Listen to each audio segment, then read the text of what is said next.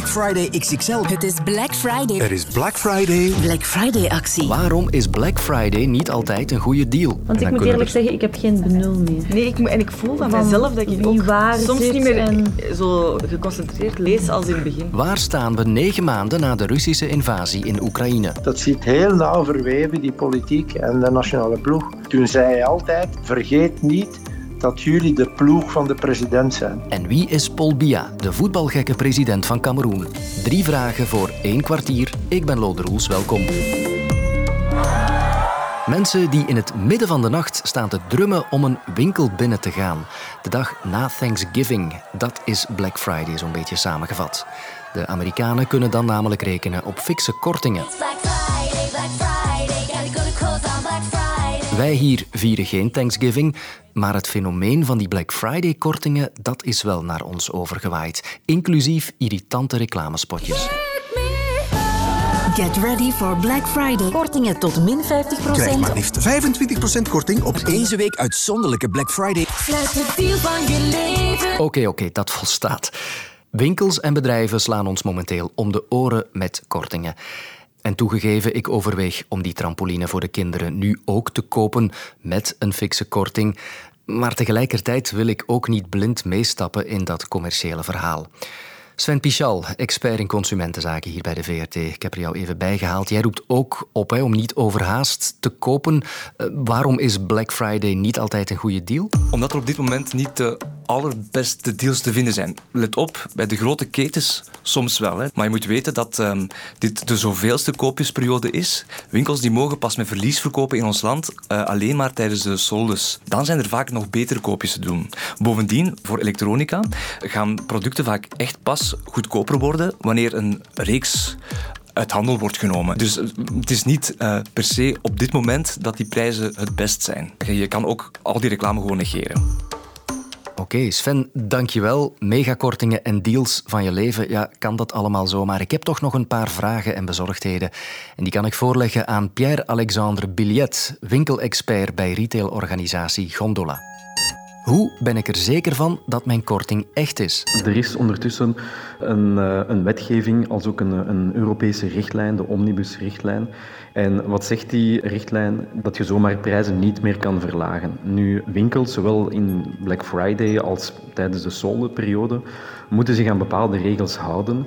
En dat wil zeggen dat zij referentieprijzen moeten eh, meegeven en dat die referentieprijs ongeveer een maand, of eigenlijk een maand, eh, geldig moet zijn voor die fameuze kortingen. Nu, dat is wel moeilijk voor marketplaces die niet vanuit België opereren, omdat je die weinig aansprakelijk kan stellen eigenlijk. Daar zie je wel natuurlijk het voordeel van lokaal winkelen, lokaal kopen, omdat lokale en Belgische bedrijven aan de Belgische wet onderhevig zijn. Internationale bedrijven eigenlijk ook, maar het is voor hen veel gemakkelijker om die wetten te omzeilen.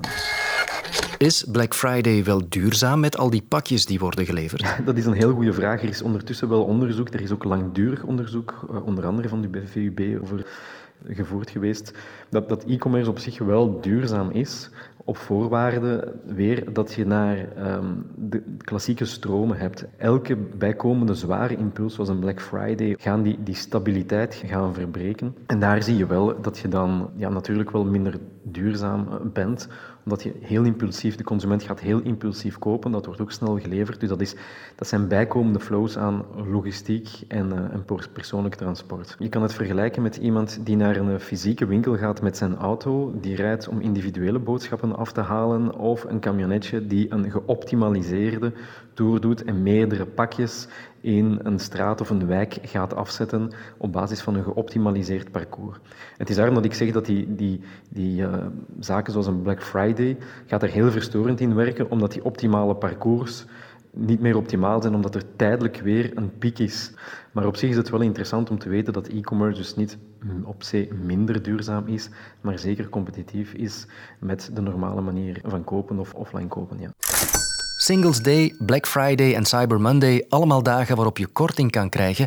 Maar werkt dat nog in tijden van crisis? We hebben heel lang in een overconsumptie geleefd en de crisis gaat daar stilletjes aan een einde aan maken. Maar je ziet wel dat retailers vandaag niet meer de wilskracht hebben om producten zwaar onder de prijs te gaan verkopen. En waarom niet? Omdat de prijs in de winkels al niet helemaal de juiste prijs is. Die is eigenlijk al te laag ten opzichte van de energiekosten die de, de winkels moeten doorrekenen, de hoge personeelskost met de indexatie die eraan komt. En als je daar nog eens extra promoties op moet doen, ja, dan wint winkelier of een retailer helemaal geen geld meer.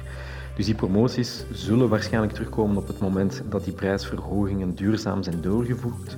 Duurzaam doorvoeren wil eigenlijk zeggen dat retailers zomaar niet de prijs opeens 10 of 15 procent kunnen doen stijgen van hun producten om al hun kosten te kunnen doorrekenen. Dus dat is een gestage evolutie, maar vandaag zitten we eigenlijk tussen twee stoelen. Hè. Tussen enerzijds consumptieprijzen die eigenlijk niet hoog genoeg zijn voor de retailer, maar ook wel te hoog voor de consument. En daar moet een nieuw evenwicht in worden gevonden. En zware soldes of uh, Black Fridays gaan daar niet meteen toe helpen om dat nieuw evenwicht te vinden. Het is vandaag één maand geleden dat Rusland zijn buurland Oekraïne binnenviel. Dag op dag, twee maanden geleden, is er de Russische offensief. Drie maanden intussen. Zo lang duurt die speciale militaire operatie al van Rusland. Four months into a war. Vijf maanden lang al woedt er een oorlog in Europa. In Oekraïne vieren ze vandaag onafhankelijkheidsdag, maar die wordt helemaal overschaduwd door zes maanden van oorlog. Het is vandaag zeven maanden geleden dat Rusland Oekraïne aanviel. It is soon going to be eight months since Russia first invaded Ukraine. En intussen zijn we negen maanden ver in dat conflict tussen Rusland en Oekraïne. Volgens onderzoek zijn al meer dan 8300 burgers om het leven gekomen. De Amerikanen schatten dan weer dat er al zeker 200.000 soldaten zijn gesneuveld aan beide kanten. Door de oorlog kwam ook een gigantische vluchtelingenstroom op gang. Naar schatting 7 miljoen Oekraïners zijn hun land ontvlucht. En de Russische invasie heeft tot nu toe al bijna 1 biljoen dollar aan schade veroorzaakt. Het einde van het conflict is nog lang niet in zicht, zo lijkt het. En met de winter voor de deur raken we het overzicht wat kwijt. Waar staan we? Wat kunnen we nog verwachten? Ik heb twee experts bij mij. Marijn Trio van onze buitenlandredactie. Welkom. Dag Lobbe. En Mart de Kruif, oud-commandant van de landstrijdkrachten in Nederland. Goedemiddag. Wat is de situatie op dit ogenblik? Wel, het is uh, nu zo dat Rusland eigenlijk overal in de verdediging zit, bijna overal toch, en dat Oekraïne het offensief uh, heeft. Uh, er is een beetje een ommekeer geweest de laatste weken en maanden, waarin Oekraïne echt het initiatief in handen heeft genomen en, en, Rusland op verschillende plaatsen is teruggedrongen. Onlangs de stad en een groot deel van de regio Gerson is heroverd door het Oekraïnse leger. Zitten we in een soort fase van van, stilte. Je merkt ook dat er vanuit Oekraïne heel weinig wordt gecommuniceerd. Uh, en ja, we weten ook wel dat Oekraïne in het zuiden wat verkenningen aan het uitvoeren is uh, om te kijken of ze misschien de Russen daar nog wat verder kunnen uh, verdrijven dan ze nu al hebben gedaan. Meneer de Kruijf, wat is de strategie van de Russen nu, denkt u? Nou, op uh, politiek niveau speelt Poetin deze oorlog nu volledig op de tijdsas. En hij gaat tijd voor hemzelf laten werken omdat hij denkt dat de steun van het Westen aan Oekraïne, uh, als de tijd voor het zal afbrokkelen. Uh, en dat koppelt hij aan een bewuste aanval van het energiesysteem van Oekraïne, waardoor vluchtelingenstromen op gang komen. En er nog meer druk zet om het Westen om de steun aan Oekraïne, zowel om de economie draaiend te houden, als de militaire steun overeind te houden, om die aan te tasten. Op militair niveau zien we heel duidelijk dat de nieuwe commandant Surovikin keuzes heeft gemaakt. Bijvoorbeeld Gerson laten vallen. En nu zijn troep aan het concentreren is rond de Donbass. Want Poetin heeft gezegd dat hij de Donbass wil veroveren. Poetin gebruikt alles wat hij heeft. Maar op de grond een beperkte doelstelling. En dat is de Donbass. En dan naar de Oekraïnse kant. Marijn, ze hebben wat succes gekend hè, de laatste tijd. Kunnen ze dat volhouden, denk je? Dat weet natuurlijk niemand, maar de Oekraïners hebben wel, ja, ze zijn erin geslaagd om keer op keer te verrassen. Niemand had verwacht dat ze de Russen plots uit Kharkov verdreven zouden worden, dat ze Gerson zouden moeten opgeven. Uh, maar westerse wapens hebben een heel belangrijke rol gespeeld voor de Oekraïners, vooral de HIMARS, uh, artillerieraketten die, uh, die tot 80 kilometer ver kunnen schieten. En de Oekraïners ja, willen raketten die nog verder kunnen schieten uh, van het Westen krijgen. Tot nu toe willen ze die niet leveren. Maar we hebben wel gezien dat de voorbije maanden die, die, die, die lijn van wat wel en wat niet geleverd kan worden aan Oekraïne heel veel verschoven is. Dus dat zou ook nog wel uh, de situatie helemaal kunnen veranderen. En na negen maanden, hoe is de moraal van de soldaten aan beide kanten nog? Ja, je ziet slijtage aan beide kanten, grote verliezen aan beide kanten. Maar ik denk als je uh, vraagt wat is nou de oorzaak dat Oekraïne deze oorlog op de grond aan het winnen is, dan ligt dat voor het overgroot deel aan het leiderschap van uh, Oekraïne, aan het vakmanschap van de Oekraïne, maar bovenal aan de motivatie van de soldaat op de grond. Oekraïners weten waarvoor ze vechten, Russen moeten vechten, maar weten niet waarvoor ze vechten. Het wordt winter, hè? de winter staat voor de deur. In hoeverre verandert de winter de situatie op het veld? In hoeverre verandert dat de dynamiek van de oorlog, zeg maar? Het is niet zo dat uh, deze oorlog stopt in de winter. En met name in de Donbass, dat is toch een infanteriegevecht van voetsoldaat tegen voetsoldaat. Ondersteund door massale artillerie en uh, vliegtuigen. Dat, uh, dat gevecht zal waarschijnlijk doorgaan. Alleen grote operaties zoals rond Kharkiv met veel beweging en veel ruimte winnen zullen we waarschijnlijk niet zien. Omdat het operaties door de winter ontzettend moeilijk zijn uit te voeren. Niet alleen vanwege de invloed van de winter op de wapensystemen en de mensen. Maar ook op de logistiek die sterk afhankelijk is van het goed kunnen gebruiken van wegen. En die kunnen dan niet meer door het terrein en alleen maar gebruik maken van de wegen. Maak je operationeel ontzettend kwetsbaar. Marijn, ik eindig bij jou. Hoe zie jij dit evolueren? Tot nu toe heeft Poetin eigenlijk niet te kennen gegeven dat hij zijn plan voor Oekraïne heeft uh, gewijzigd uh, sinds het begin van die invasie. En dus dat er op dit moment uh, nog altijd helemaal geen perspectief is op vredesgesprekken en een of andere uitkomst voor deze oorlog. Dus ik vrees dat het nog heel, heel lang zou kunnen aanslepen. Marijn Trio en Marten Kruijf, dankjewel.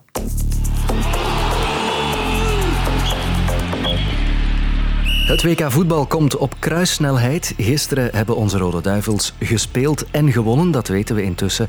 En vandaag staan er alweer vier nieuwe matchen op het programma. Vanmorgen bijvoorbeeld gaf Zwitserland Cameroen partij. De Zwitsers wonnen trouwens met 1-0. Voor de sportieve analyse kan je op sportza.be terecht. Wij hier willen nog even de focus richten op Cameroen en vooral dan op hun president. Sophie Gebreurs van onze redactie, hallo. Hey. Daar valt blijkbaar wel wat over te vertellen, hè, over die man. Zeker, ja. Paul Biya heet hij en hij is blijkbaar een heel grote voetbalenthusiasteling. Om eigenlijk niet voetbalgek te zeggen.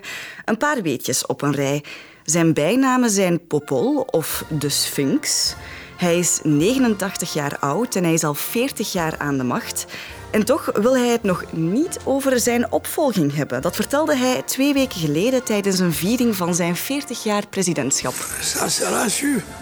Quand ce mandat arrivera à expiration, vous serez informé sur le point de savoir si je reste Wauw, uh, klinkt oud, die man, moet ik zeggen. Heel oud, je hoort het. Maar als het van hem afhangt, dan blijft hij nog wel even aan de macht. En als we het over Paul Biya hebben, dan moeten we het ook over Chantal Biya hebben, zijn vrouw, de first lady van Cameroen. Een zeer flamboyant figuur. Ik denk dat ik daar niet mee overdrijf. We hebben daar juist de foto's ook eens bekeken waar, op de redactie. Hè? Maar belangrijker, net als haar man ook een heel grote voetbalfan. Ja, dus twee grote voetbalfans in dat presidentieel paleis. Wil dat dan zeggen dat Cameroen ja, ook een goede ploeg heeft? Of heeft dat er niks mee te maken? Ik ken niets van voetbal. Maar dit is wat Asser en Zeimana daar juist over ze vertelde tijdens het begin van de match tegen Zwitserland. En een echte WK-ploeg natuurlijk, Cameroen. Al voor de achtste keer op een wereldkampioenschap. Links bovenaan ziet u daar de Zwitsers en rechts net buiten uw beeld de bijzonder luidruchtige Cameroeners zorgen voor veel sfeer. Ja, en dat die Cameroeners voor veel sfeer zorgen, dat is niet zo onlogisch, want voetbal is in Cameroen enorm belangrijk, want de president, onze heer Paul Biya, en de minister van Sport, die moeien zich hier ook echt mee. Dat vertelde Hugo Broos me. Lode? Hugo Broos? Uh, Hugo Broos, uh, wacht hoor. Uh, Ex-Rode Duivel, trainer ook geweest. Hè? Ja, ja, ja, ja, klopt. Hij speelde ook nog mee als Rode Duivel in het WK in Mexico in ja. 86. Maar ja, ik belde hem omdat hij ooit ook bondscoach is geweest van de nationale ploeg van Cameroen. In die tijd kreeg hij ook van de president via de minister van Sport te horen wat hij best als bondscoach moest doen. Ik weet nog na de eerste Interland, toen speelden wij 2-2 gelijk tegen Zuid-Afrika. En uh, ik moest toen naar zijn kamer komen in het hotel. En hij was niet tevreden. We hadden maar 2-2 gespeeld. Wij moesten winnen. En toen zei hij ook van ja, je moet een die zetten en ik, die moet je niet meer opstellen en wat weet ik allemaal. En drie maanden later kwalificeerden wij ons voor de Afrika Cup. En ja, ik, ik had hem natuurlijk niet gevolgd in wat hij toen allemaal had gezegd. We hadden in Mauritanië gewonnen, we waren gekwalificeerd en we stonden op de luchthaven en zijn secretaris kwam naar mij en hij zegt de minister wil je spreken. Nou, ik zeg ja, oké. Okay. Ik ging naar hem en hij zegt uh, ja, je bent koppige man. Ik zeg ja, ja, ja, ja, zegt hem, herinnert je nog de dingen dat we elkaar ontmoet hebben naar Zuid-Afrika? Ik zeg ja. Je moet er uh, u geen zorgen over maken, zegt hem. Blijf maar koppig. Hugo Broos kon dus gelukkig goede resultaten presenteren, maar dat lukt natuurlijk niet altijd. En daarom is de president zelfs ooit een officieel onderzoek gestart na het WK van 2014 in Brazilië om te weten te komen waarom ze zo slecht gescoord hadden. En slecht scoren, dat wil ook zeggen ontslag van de minister van Sport. Zo ver gaat het dus allemaal. Oké. Okay. Ziezo Lode, nu weet je een beetje wie die voetbalgekke president van Cameroen, Paul Biya, is. Dankjewel. En benieuwd of de minister van Sport nu ook al klamme handjes zal krijgen na dat 1-0-verlies op het WK vandaag tegen Zwitserland. Morgen is de andere Sophie van onze redactie, hier Sophie van der Donkt, met een nieuwe aflevering van Het Kwartier. Luister ook naar Net Niet, waarin Astrid de Meuren praat met ex-topsporters die net niet konden doorbreken. Nu in de app van VRT Max.